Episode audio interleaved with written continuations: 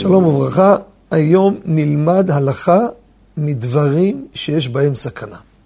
שולחן ערוך ביורה דעה כותב, אדם שרוצה לאכול ירק שיש בו חור, יש חשש שמא בא בעל חי הטיל בו הרס, סכנת נפשות.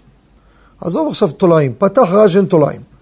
אבל אם יש פה חור, יכול להיות שבא פה איזה אה, חרק ארסי, הטיל בו הרס, ואדם חלילה יאכל את זה, יכול חלילה לסכן את עצמו. שולחן ערוך אומר, אם יש בפרי, בירק, נקב, אסור לאכול אותו.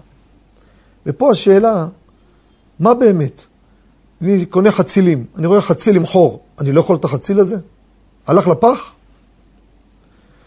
הלכה למעשה. לא נאריך לכל הסוגיה, אבל ניתן את הכלל בתמצית.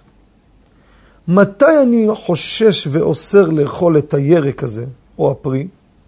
רק כשאני רואה את החור ואני רואה נוזל מתבקע ממנו. זאת אומרת, אני רואה פה משהו פנימי שדחף את זה החוצה, ונוזל נשפך החוצה.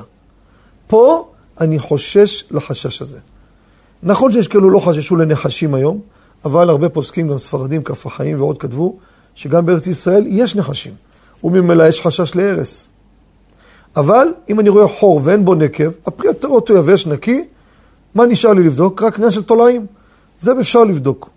אבל ההרס, אין לי חשש, וממילא יהיה מותר לי לאכול כל עוד שאני רואה שבנקב הזה אין נוזל ושפרץ.